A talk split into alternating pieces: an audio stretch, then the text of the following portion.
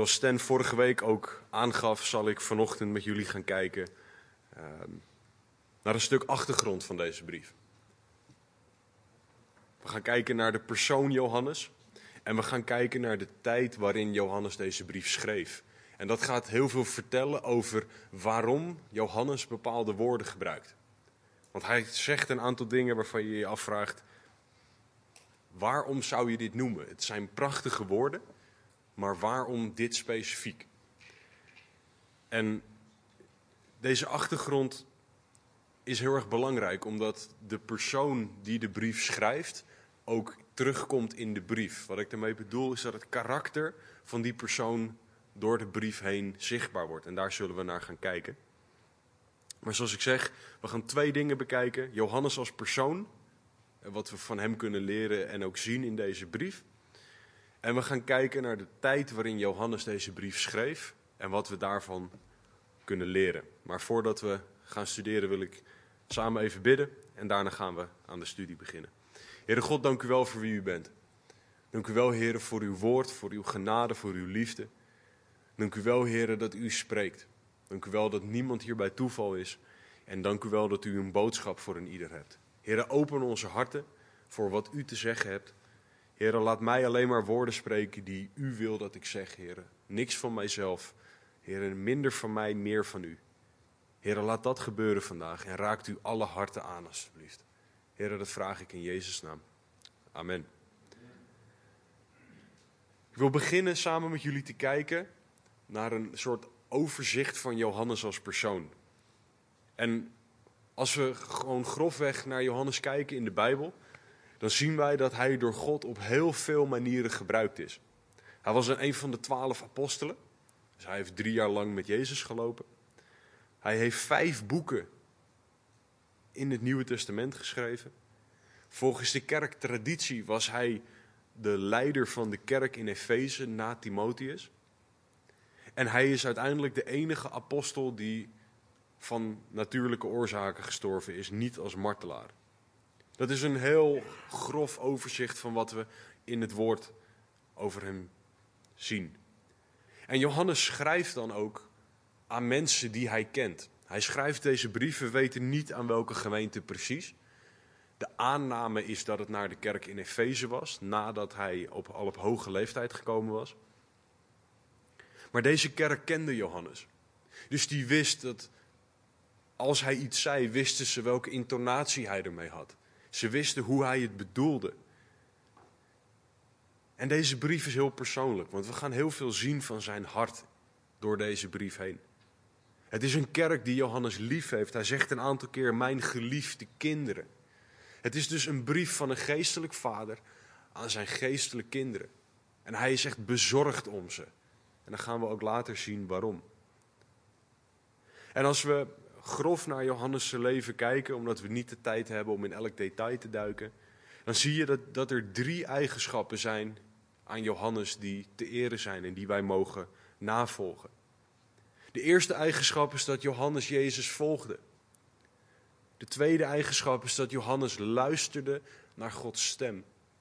En de derde is dat hij God beter leerde kennen. En we gaan daar iets verder op in. Johannes volgde Jezus, de eerste eigenschap. En waaraan zien we dat? Nou, aan het feit dat Johannes de discipel was die Jezus lief had, zoals Johannes 13 zegt. En dat betekent dat Jezus heel veel van Johannes hield. Johannes noemt nooit zijn eigen naam in het evangelie van Johannes. Maar als we nog een stapje terugnemen en kijken naar Johannes, dan zien we dat hij een visser was. En vissers zaten aan de rand van de samenleving. Die hadden een baan die niemand wilde. Dat waren geen lieve, aardige, zachte mannen met een heel klein hartje. Maar dat waren gewoon lompe boeren. Vissers in dit geval. Ze waren sterk, ze waren stevig, maar in, op elke manier waren ze lomp. Zo stonden ze bekend in die tijd. Ze hadden ook een baan die niemand wilde hebben. Als je niks anders kon, zo'n beetje was het idee, dan werd je maar visser. Maar toch had zijn vader een heel succesvol bedrijf. In Marcus 1, vers 20 lezen we dat zijn vader betaalde medewerkers had. Dus dat was een bedrijf waar gewoon veel vis werd binnengehaald. Maar wat we dan zien is dat deze lompe, stevige kerel, die in een succesvol bedrijf werkte en dat op een dag over zou nemen, laat dat achter. En hij doet dat direct wanneer Jezus hem roept. Er staat dat Jezus zei: Volg mij. En de volgende woorden zijn: En Johannes verliet zijn vader direct. Hij ging niet in gesprek met: Mag ik de erfenis nog wel houden? Is dat bedrijf nog wel voor mij? Kan ik met betaald verlof? Vragen die wij allemaal zouden stellen. Er staat dat hij direct volgde. En daar kunnen wij zoveel van leren. Want deze kerel was een tiener. In Matthäus 17, dus als hij al een tijd met Jezus aan het wandelen is, wordt de tempelbelasting betaald. En uit Exodus 30 weten we dat de Joodse mannen onder de 20 jaar die tempelbelasting moesten betalen. En we lezen in Matthäus 17 dat er alleen voor Petrus en voor Jezus betaald werd. Dus de overige discipelen, laat het even op je inwerken, de mannen die de wereld veranderd hebben, waren tieners. Johannes was een tiener toen hij deze dingen hoorde. Onder de twintig. Ja, sorry, sorry. Vanaf 20 werd er betaald, excuus. Dus als jij ouder was dan 20, staat er in Exodus 30, excuus dan moet jij de tempelbelasting betalen. De discipelen waren dus op Petrus na allemaal onder de 20 jaar.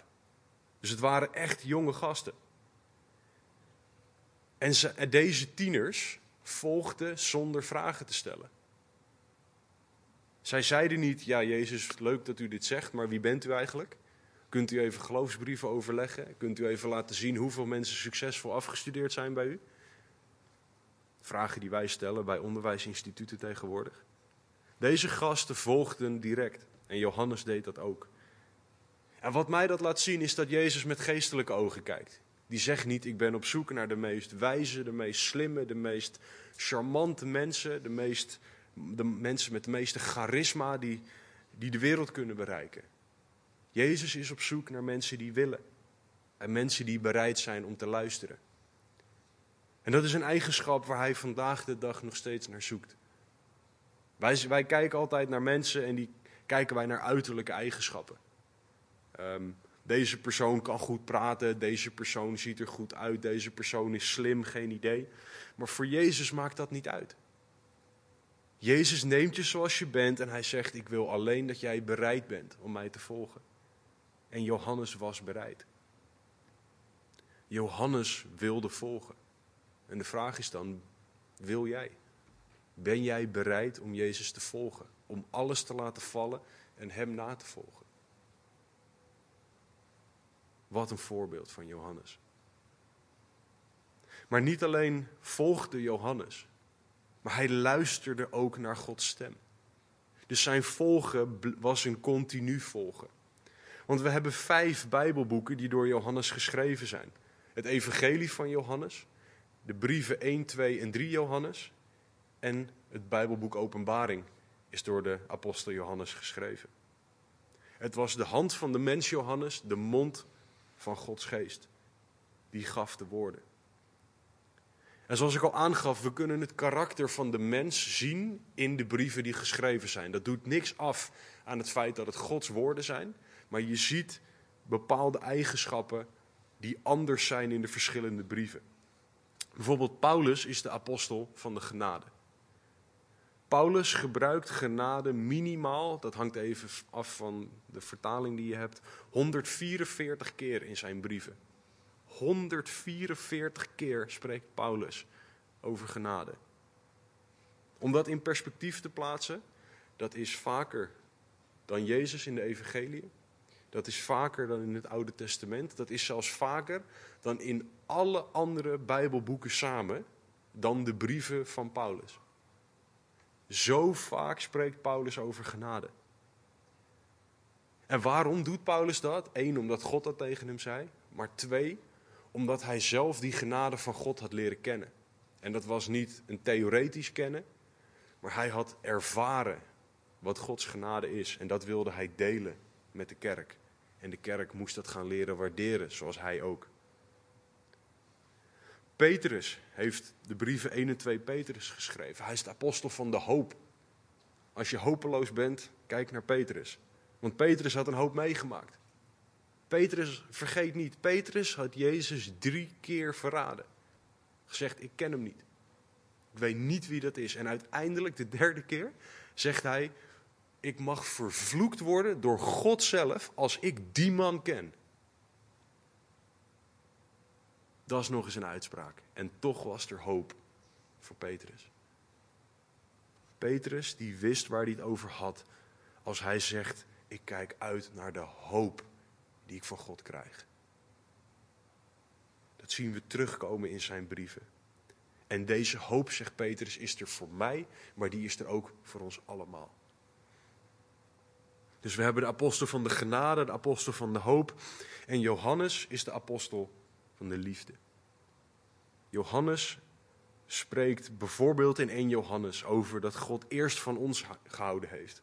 Hij zegt dat we van elkaar moeten houden. Hij noemt ons geliefden. Hij houdt van de mensen aan wie hij schrijft. Hij zegt dat wij Gods kerk zo lief moeten hebben dat wij ons leven geven voor Gods kerk. En Johannes zegt dat God liefde is en dat zijn ultieme uiting van liefde Jezus' komst naar de aarde was. Johannes is de apostel van de liefde. Waarom? Schrijft hij hierover omdat hij Gods liefde had leren kennen. Dus hij luisterde naar Gods stem. Hij had leren kennen wat die liefde was. Hij had gehoord en gezien Gods liefde. En daar schreef hij over. En de vraag is dan, hoe luisteren wij naar God? Leren wij God en zijn karakter beter kennen door naar Hem te luisteren? Of spenderen we geen tijd met God en verwachten we dan dat we Hem beter leren kennen? Als ik mijn vrouw beter wil leren kennen, moet ik tijd met haar doorbrengen. Het is wel eens interessant om hoe wij met onze stille tijd, en dan bedoel ik even tijd die wij op een moment van de dag met God inplannen, als we dat vergelijken met hoe we met onze partner omgaan. Dus ik noem maar wat, stel je staat s ochtends op tijd op om een half uur met God door te brengen. Niks mis mee, maar helemaal goed. Maar stel je zegt de rest van de dag, nee maar God, ik heb dat half uur aan u gegeven, ik heb nu echt even geen tijd. Als je dat eens richting je partner doet. Schat, ik heb vanochtend een half uur voor je. En daarna morgenochtend weer. En alles wat buiten dat half uur valt, ja, daar heb ik geen tijd voor. Ik heb dat half uur toch voor je vrijgemaakt? Zo gaan wij vaak om met God. En Johannes, die deed dat anders. Die luisterde continu naar Gods stem. En die had Gods liefde zo nauw leren kennen. Dat hij er zo vol passie over kon schrijven. Waar besteed jij je tijd aan? Aan luisteren naar Gods stem? En door het luisteren naar Gods stem komen we bij de derde eigenschap. Johannes leerde God gewoon beter kennen. Dus hij volgde Jezus, hij luisterde naar Gods stem, waardoor hij bijvoorbeeld een aantal boeken mocht schrijven. Maar hij leerde door deze dingen God gewoon beter kennen. Als Johannes gevraagd werd, hoe omschrijf jij God? Zegt hij liefde. Gods liefde voor ons, voor de wereld. Liefde die wij voor anderen mogen hebben, dat is allemaal Gods liefde. En ik zie dat in God wanneer ik Hem leer kennen. Liefde is waar Johannes over onderwijst, omdat hij die liefde had leren kennen. En in Johannes 1, vers 1 zegt hij wat er was vanaf het begin, wat wij gehoord hebben, wat wij gezien hebben met onze ogen, wat wij aanschouwd hebben en onze handen getast hebben van het woord des levens. Johannes zegt, ik heb die liefde gehoord. Ik heb die liefde gezien, aanschouwd en met mijn handen getast. Zo leerde hij God kennen. Deze visser, deze lompe, vreselijk onhandige visser, was de apostel van de liefde geworden. Gods liefde had zijn leven radicaal veranderd. God had hem gebracht tot het punt waarop hij alleen maar Jezus wilde navolgen en zijn liefde wilde kennen. En niks anders was nog belangrijk voor Johannes. Want hij had Gods liefde geproefd, gezien en ervaren. In 1 Johannes zien we dat doordat hij in 95 versen, de hele brief, 56 keer het woord lief gebruikt. En dat is dan liefde, liefhebben, dat soort dingen. En 26 keer gebruikt hij het woord liefde. In 95 versen. In één op de twee versen dus heeft Johannes het over liefde. Eén op de twee versen. En de vraag is dan, als jij over God nadenkt. Johannes had 95 versen, 26 keer liefde. Welke eigenschap van God springt er voor jou uit? Welke eigenschap van God is voor jou diegene waarvan je zegt, dat is wat mij zo aantrekt aan God. Wat ik zo fijn vind aan God. Paulus zegt genade. Petrus zegt die oneindige hoop. Johannes zegt de liefde. En zo zijn er nog veel meer. Maar wat springt er voor jou uit?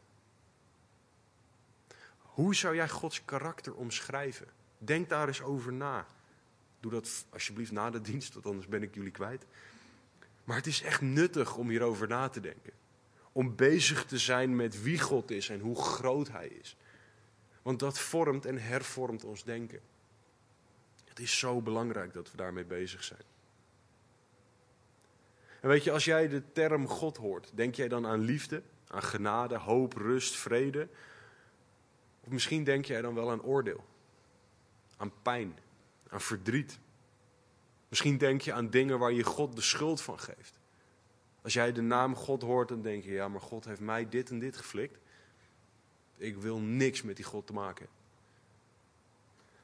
Johannes laat ons zien wie God echt is. God is liefde. En er zitten heel veel kanten aan die liefde, maar God is liefde. En dat bewees God door Jezus Christus, door in deze houding aan het kruis te hangen. Zoveel hou ik van jou. De God van hemel en aarde stuurde zijn zoon om voor jou en voor mij te sterven. En de vraag is dan of jij deze God kent. We hebben het gehad over drie eigenschappen die Johannes' karakter gevormd hebben. En hoe dat kon gebeuren was doordat hij tijd met God doorbracht. Hij heeft eerst drie jaar bijna letterlijk op Jezus' lip gezeten. Hij heeft alles met Jezus meegemaakt. Maar daarna ging dat door in gebed, in het woord, in de fellowship met de broeders en de zusters. En Johannes veranderde doordat hij een ontmoeting heeft gehad met Jezus Christus. Daardoor ging hij Gods stem verstaan. Daardoor ging hij volgen, daardoor ging hij God beter leren kennen. We hebben een ontmoeting met God nodig. En als jij de relatie van Johannes met God pakt en jij die van jou daarmee vergelijkt, hoe is jouw relatie met God dan? Ben jij bezig met God volgen? Zijn stem verstaan, zijn stem zoeken en Hem beter leren kennen? Of ben jij met andere dingen bezig? Volg het voorbeeld van Johannes. Vraag God om vandaag een ontmoeting met Hem te hebben. Dat wil Hij graag. En, en deze Johannes, die deze dingen deed, schreef een brief, 1 Johannes, aan een kerk waarvan we nogmaals niet weten welke het precies is. En hij schreef het in een tijd waarin er best wel gevaarlijke leer richting de kerk kwam. Dus het tweede onderwerp waar we naar gaan kijken is de tijd waarin Johannes deze brief schreef. Vanaf de geboorte van de kerk kwam wat de gnostische leer heet, kwam op. Ralf heeft het daar in het verleden ook over gehad, die vergeleek het heel mooi met gnocchi. Dan kan je onthouden dat we het over gnosticisme hebben. Um, maar wat er opkwam was heel gevaarlijk voor de kerk.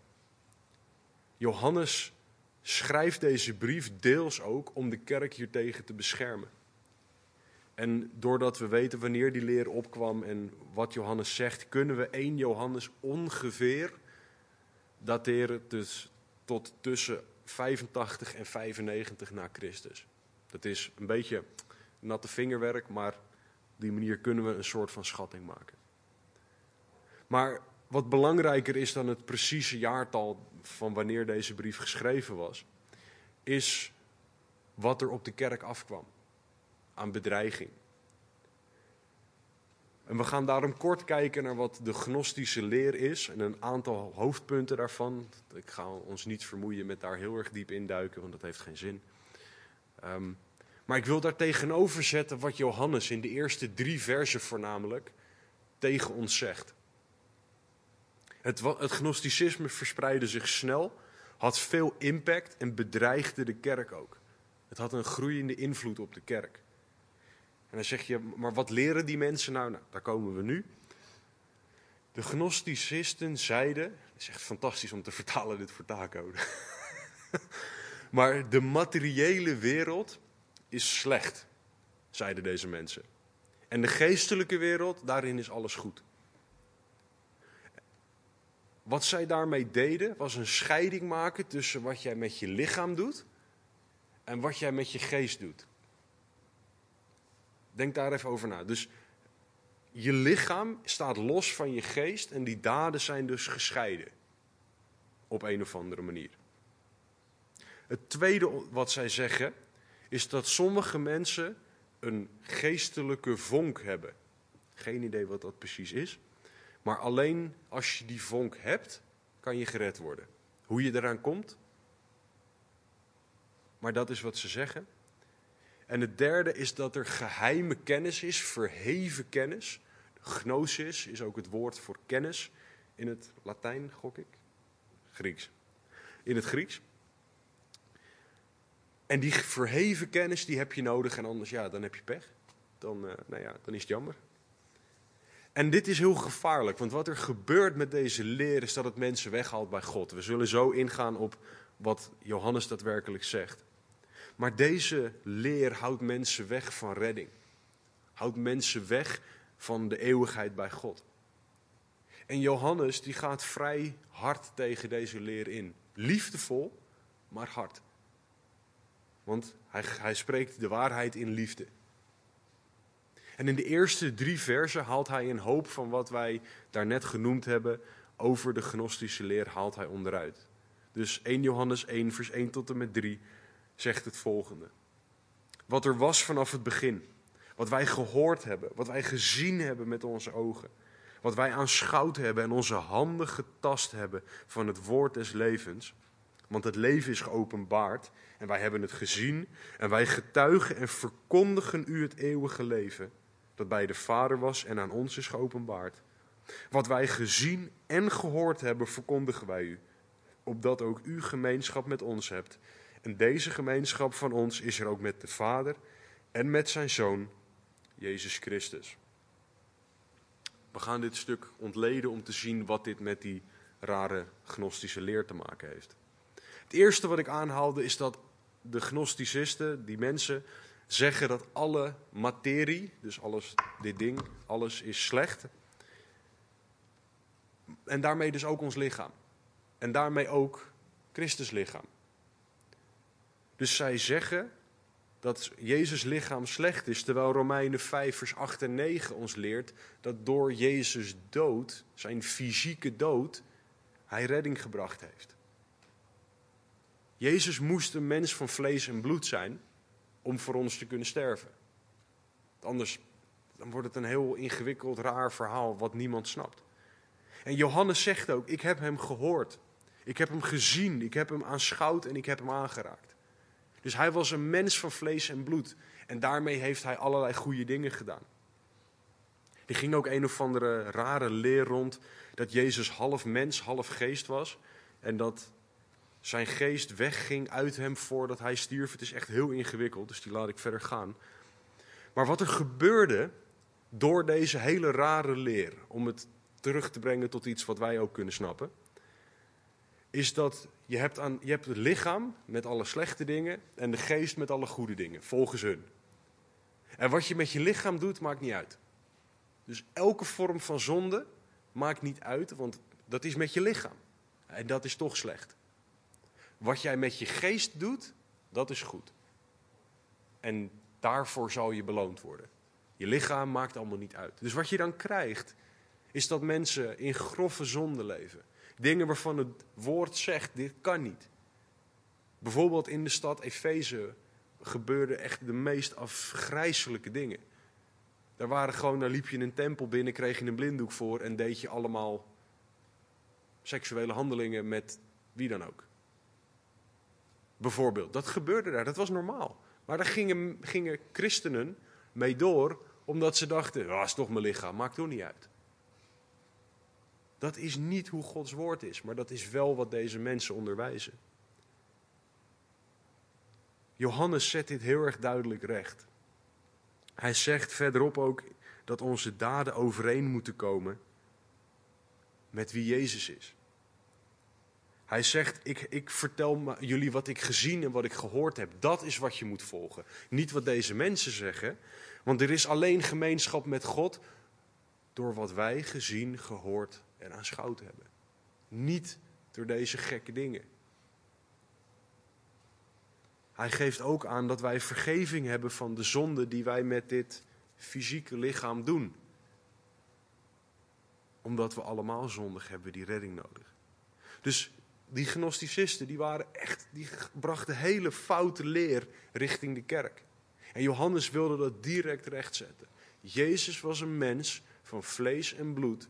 En doordat hij hier leefde en wat hij deed, kunnen wij nu gemeenschap met God hebben. Dus het lichaam is niet slecht op die manier. Met dat het niet uitmaakt wat we ermee doen. We moeten juist God eren op die manier met ons lichaam. Het tweede ding wat ze zeggen is dat sommige mensen een geestelijke vonk hebben. En dat er redding uit geheime kennis is en dat soort gekke dingen. Johannes zegt dat de redding is door wat er was vanaf het begin. En hij legt uit wat dat betekent in Johannes 1, het evangelie van Johannes. Hij zegt, in het begin was het woord, het woord was bij God en het woord was God. En het woord is vlees geworden, Johannes 1, vers 14, en heeft onder ons gewoond. Dus wat Johannes zegt, is er was iets vanaf het begin. En dit iets, Gods woord, is zelfs iemand. Namelijk Jezus Christus. En hij zegt, redding is alleen door hem. Wat er was vanaf het begin, dat hebben wij gehoord, dat hebben wij gezien, dat hebben wij aanschouwd met onze ogen en onze handen getast van het woord des levens. Wat Johannes zegt is, degene die er was vanaf het begin, die heb ik ervaren en dat is wat tot het leven leidt. Niet verheven kennis, niet dingen die alleen speciale mensen hebben. En Johannes geeft ook de juiste volgorde aan. We moeten Gods woord horen. We moeten zien dat zijn woord waar is. We mogen dan dat gaan begrijpen. Dat woord aanschouwen betekent begrijpen. En daarna wordt het tastbaar in ons leven. En Johannes zegt, jongens, ik heb dit gezien. Ik ben een ooggetuige hiervan. Hij is betrouwbaar om dingen van aan te nemen. Niet mensen die, omdat ze misschien s'avonds een stuk pepperoni pizza gegeten hebben, allemaal gekke gedachten in zich, door zich krijgen. Omdat het hele lichaam aan de gang gaat. Je weet nooit waar mensen op vertrouwen voordat zij dingen onze kant op sturen. Johannes zegt, ik heb het gezien van God. Ik heb gezien wie Jezus is. En daarom vertel ik jullie dit. En Johannes gaat verder. Hij zegt ook: het is niet alleen voor een select groepje. Wat die gnosticisten wel zeiden. Johannes 3, vers 16. Al zo lief had God de wereld. Johannes zegt ook in die eerste drie versen niet. Nee, alleen als jij bijzonder bent. Als jij uh, dat speciale merktekentje hebt. Of als jij dit kan of dat kan. Iedereen komt in aanmerking voor gemeenschap, voor fellowship, voor een relatie met God. Johannes zegt door zijn hele brief heen: iedereen die vergeving vraagt voor zonde en Jezus offer aanneemt, wordt gered. Ieder die accepteert wie er was vanaf het begin. Dat is wat Johannes ons wil leren. Geen speciale kennis, maar Gods woord. Jezus Christus. Het gaat niet om verheven dingen, maar het gaat om Jezus kennen. Niet om speciale handelingen of zo. En ook zeker niet voor speciale mensen, want dan zou ik persoonlijk bijvoorbeeld al afvallen. Maar voor iedereen die Jezus aanneemt. Het gaat om Jezus en om wat Hij zegt, niet om wat mensen zeggen. En Johannes zegt, ik zeg alleen wat ik zeg, omdat ik het hem heb horen zeggen. Ik ben een ooggetuige. Dus wat Johannes aan het doen is, hij was gedachtegangen van die tijd aan het rechtzetten in deze brief. Hij pakt aan wat niet juist is en geeft aan wat God juist gezegd heeft. Mensen zeggen dit, maar God zegt dit. Mensen maken het altijd veel kleiner dan dat God het maakt. Verheven kennis heb je nodig. Hoe kom je daaraan? Geen idee. God zegt: Kom naar mij toe. Zo simpel is het.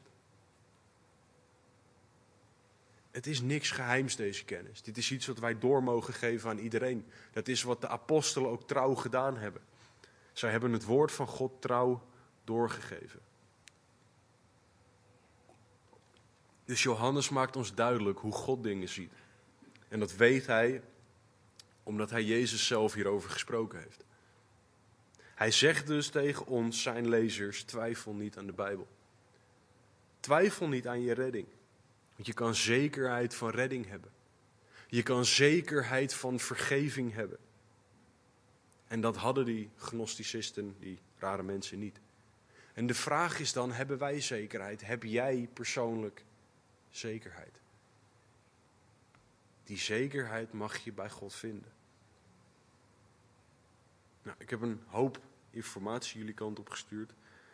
Maar waarom heb ik het nou hier zo specifiek over gnosticisme gehad? Dus ik heb een hoop moeilijke dingen jullie kant op gestuurd. Ik kan snappen als het wat verwarrend is geweest. Maar deze dingen komen in een ander jasje nog steeds op de kerk af. In een ander jasje wordt dezelfde boodschap gebracht.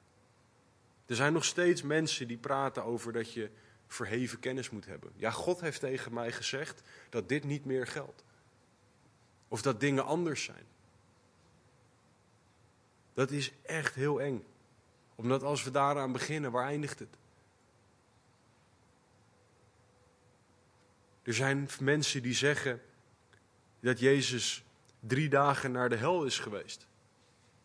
Wat nergens in het woord te onderbouwen is. Die zeggen dat Jezus niet echt gestorven was, dat Jezus niet echt een mens was. Er zijn zoveel dingen die in de kerk over God gezegd worden. Jezus was een aartsengel. Was helemaal niet de zoon van God, volgens kerken. Het zijn allemaal dingen die uitvloeisels zijn van deze gnostische leren. Dus wij moeten ons daartegen kunnen wapenen. En daarom is het mooi dat God ons 2 Petrus 1 vers 3 geeft. Zijn goddelijke kracht heeft ons alles geschonken wat tot het leven en de godsvrucht behoort door de kennis van Hem die ons geroepen heeft door Zijn heerlijkheid en Zijn deugd. Dus God heeft ons alles gegeven wat we nodig hebben en dat is door Hem kennen via Zijn woord. Als je nog een keer Johannes 1 vers 1 en Johannes 1:14 bedenkt. In den beginnen was het woord, het woord was bij God en het woord was God. Het woord heeft onder ons geleefd. Op het moment dat wij dit woord lezen en dit beter gaan leren kennen, leren wij Jezus Christus beter kennen. Leren wij God beter kennen. Vertrouw jij extra openbaring van God, en dan bedoel ik dat tussen aanhalingstekens? Of vertrouw jij het woord dat God al meer dan 2000 jaar bewaart, zoals wij het hier bij ons hebben? God zegt ook, alle dingen zullen voorbij gaan, maar mijn woord blijft voor eeuwig. Openbaring 22, 18 geeft ons ook de waarschuwing om niks toe te voegen aan Gods woord. Want anders zullen alle plagen en dingen die er in de openbaring, maar ook in de rest van het woord staan, op jou afkomen. Dus mensen die toe willen voegen aan Gods woord moeten wel twee keer nadenken. Maar wij ook als kerk. De oproep die ik voor jullie heb is: hou je vast aan de Bijbel. Het is een woord vol ooggetuigen. Het zijn woorden van God zelf. Dus wij hoeven niet misleid te worden. Dat was ook Johannes' boodschap. Hou je nou vast aan wat wij, aan wie wij gehoord hebben, wie wij gezien hebben, wie wij aanschouwd hebben en wie onze handen getast hebben. Houd je vast aan Jezus, houd je vast aan het woord. Johannes wilde dat de kerk inzag dat dit niet zomaar woorden waren, maar dat dit een ooggetuigenverslag was. En Johannes wil ook dat wij Gods woorden op een heel ander niveau zetten dan de woorden van mensen. Ik wil ook dat jullie twijfelen aan elk woord dat ik tegen jullie zeg. Want als het niet bijbels juist is, moeten jullie het direct verwerpen en mij erop wijzen. Dat verwacht ik ook echt van jullie, dat jullie dat doen. Wij moeten zien wie wij kunnen vertrouwen voor eeuwig leven, voor redding en voor een relatie met God. En dat is alleen Jezus Christus door de openbaring van zijn woord. Het is bijzonder om te zien in wat voor tijd wij leven. Want deze kerk, wij als kerk, hebben voordelen die geen enkele andere kerk tot nu toe gehad heeft. En dat bedoel ik niet Calvary Chapel, maar de kerk wereldwijd. Wij hebben voordelen als het internet, ondanks dat er ook een hoop nadelen aan het internet zitten. Maar wij hebben superveel Bijbelvertalingen, Bijbelstudietools. Wij hebben zoveel dingen om Gods woord te bestuderen. We hebben eigenlijk geen excuus om het niet te doen. Ik was gisteren samen met Amit en, en Peter in een ehm, kringloopwinkel. Daar stonden zoveel boeken waar je Gods woord alleen al mee zou kunnen bestuderen. Die waren 50 cent tot 2 euro. Dat is allemaal beschikbaar voor ons. Dus de uitdaging is: onderzoek Gods woord. Stel er vragen aan. Weet wat er staat. En weet daardoor ook wat er niet staat. Als mensen iets tegen je aanhouden waarvan je zegt: dit is niet juist. Kerk, wij moeten goed weten wat het juiste is zo goed weten wat het juiste is, dat wij het valse zullen herkennen. En het is genade dat wij de Bijbel van God gekregen hebben en dat de Heilige Geest het woord aan ons wil uitleggen. En wij mogen de Heilige Geest vragen om het aan ons uit te leggen, maar daarna is er één belangrijk ding. Wat ik zei, als ik mijn vrouw beter wil leren kennen, moet ik tijd met haar doorbrengen. Wij moeten tijd en energie steken in het leren kennen van Gods woord. Dus dat betekent lezen. En het kinderliedje gaat, lees je Bijbel, bid elke dag, dat je groeien mag. Het is zo simpel, maar doen we het ook? Of zetten wij iets tussen ons en God in? En als je dat dan gaat doen, dan ga je zoveel terugkrijgen. Bijvoorbeeld als je rust nodig hebt, dan mag je rust vinden in God en zijn woord, zegt Matthäus 11 en Hebreeën 4. Als je zijn liefde nodig hebt, of liefde überhaupt, dan mag je weten dat God oneindig veel liefde voor ons heeft, omdat hij liefde is. In 1 Johannes 4. Als wij het niet meer zien zitten, als het allemaal te veel is, zegt Filippenzen 4 dat wij alles bij God mogen neerleggen in gebed. Als wij kracht nodig hebben, mogen we die aan God vragen en bij Hem vinden. En de belangrijkste van allemaal. Als wij vergeving van zonde nodig hebben, dan mogen we dat aan God vragen en van Hem ontvangen. 1 Johannes 1. Het is zo belangrijk dat wij het woord leren kennen. Dat wij weten wat er staat. Stan heeft het wel eens eerder verteld. Um, geldtellers in Amerika. Ik had het daar ook nog laatst met Peter over. Dat zijn mensen die opgesloten worden met echt geld. Dus daarna moeten ze het ook allemaal weer, weg, weer, weer afgeven. Maar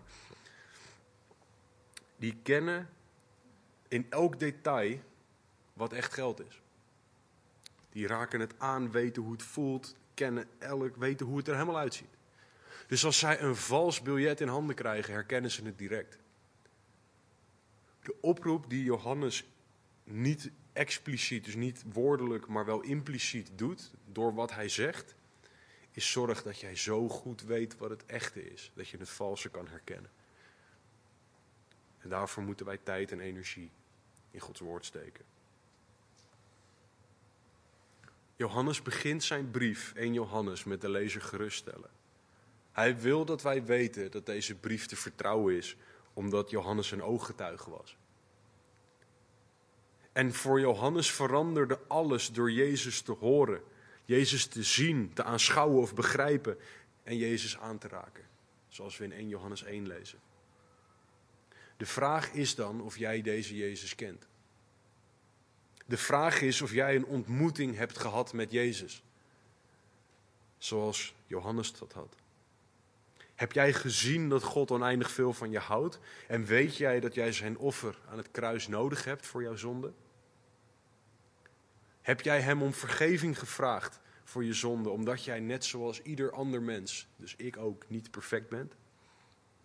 Als niet, dan mag jij je leven vandaag bij de Heer neerleggen. Mag jij om vergeving vragen voor je zonde. En hij zal je vergeven en al je schuldgevoelens wegnemen, zegt 1 Johannes 1, vers 9. Maar ook als jij al jaren christen bent, jaren naar de kerk gaat, zijn niet altijd dezelfde dingen, christen en iemand die naar de kerk gaat. Maar hoe vaak zoek jij dan nog een ontmoeting met God op? Hoe vaak ontmoet jij Jezus nog? Sta jij wel eens stil bij wat Hij voor jou gedaan heeft en dank je Hem daar dan voor? Ga terug naar het kruis, want dat is waar wij moeten zijn. Aan de voet van het kruis. Daar waar God ons vergeeft. Daar waar wij Hem mogen ontmoeten en op mogen kijken naar wat God voor ons gedaan heeft. Dat is waar Johannes zat toen hij deze brief schreef. Opkijkend naar Jezus Christus, terugdenkend aan wie hij gehoord, gezien. Da, da, da, dat was waar zijn hart was toen hij deze brief richting ons schreef. Ga je hart onderzoeken. Waar jij naar kijkt als jij omhoog kijkt. Als jij je ogen dicht doet wanneer je gaat liggen op je bed om te gaan slapen, dan weet jij hoe het tussen jou en God staat. Niemand anders weet het. Maar God weet hoe jij tegenover Hem staat. Leg je leven voor het eerste, voor de zoveelste keer bij Hem neer. Zoek Hem op in gebed. Ik denk dat het belangrijk is dat we ook samen zo'n tijd van gebed hebben. Martien, zou jij Peter voor mij uh, willen halen, alsjeblieft? Ik denk dat het goed is om als jij gebed wil, want iedereen heeft gebed nodig, dat je dan zo naar mensen loopt die aan de zijkanten en aan de achterkant gaan staan. Eveline, wil jij daar gaan staan? Sander? Ik wil ook jou Kees vragen om daar te gaan staan. Mama, wilt u ook aan de zijkant gaan staan, alstublieft? Als jij gebed wil hebben, wij hebben allemaal gebed nodig. Ga daar dan staan.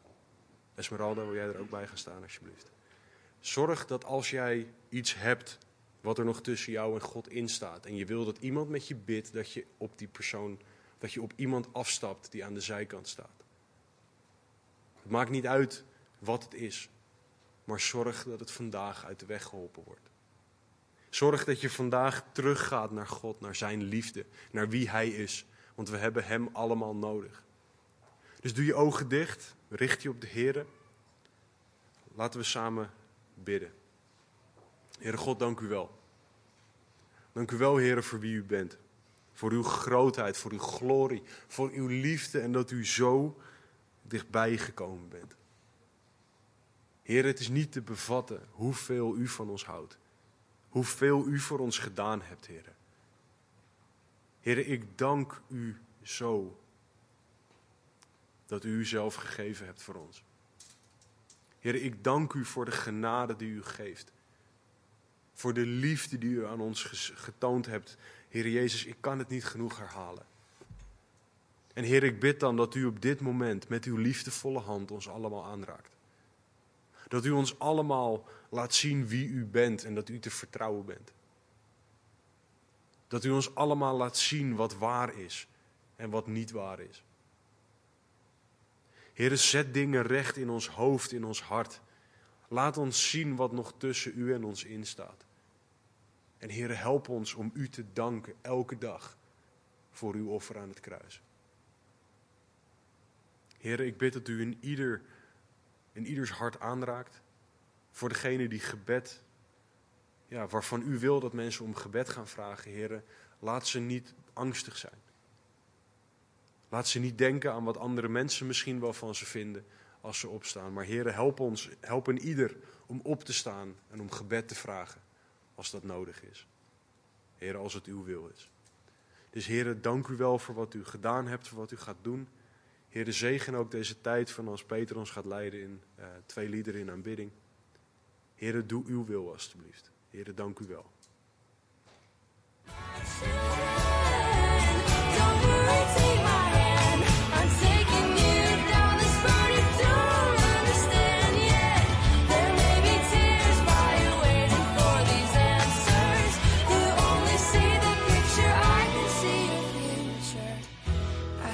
Tell you right now, it's gonna be alright.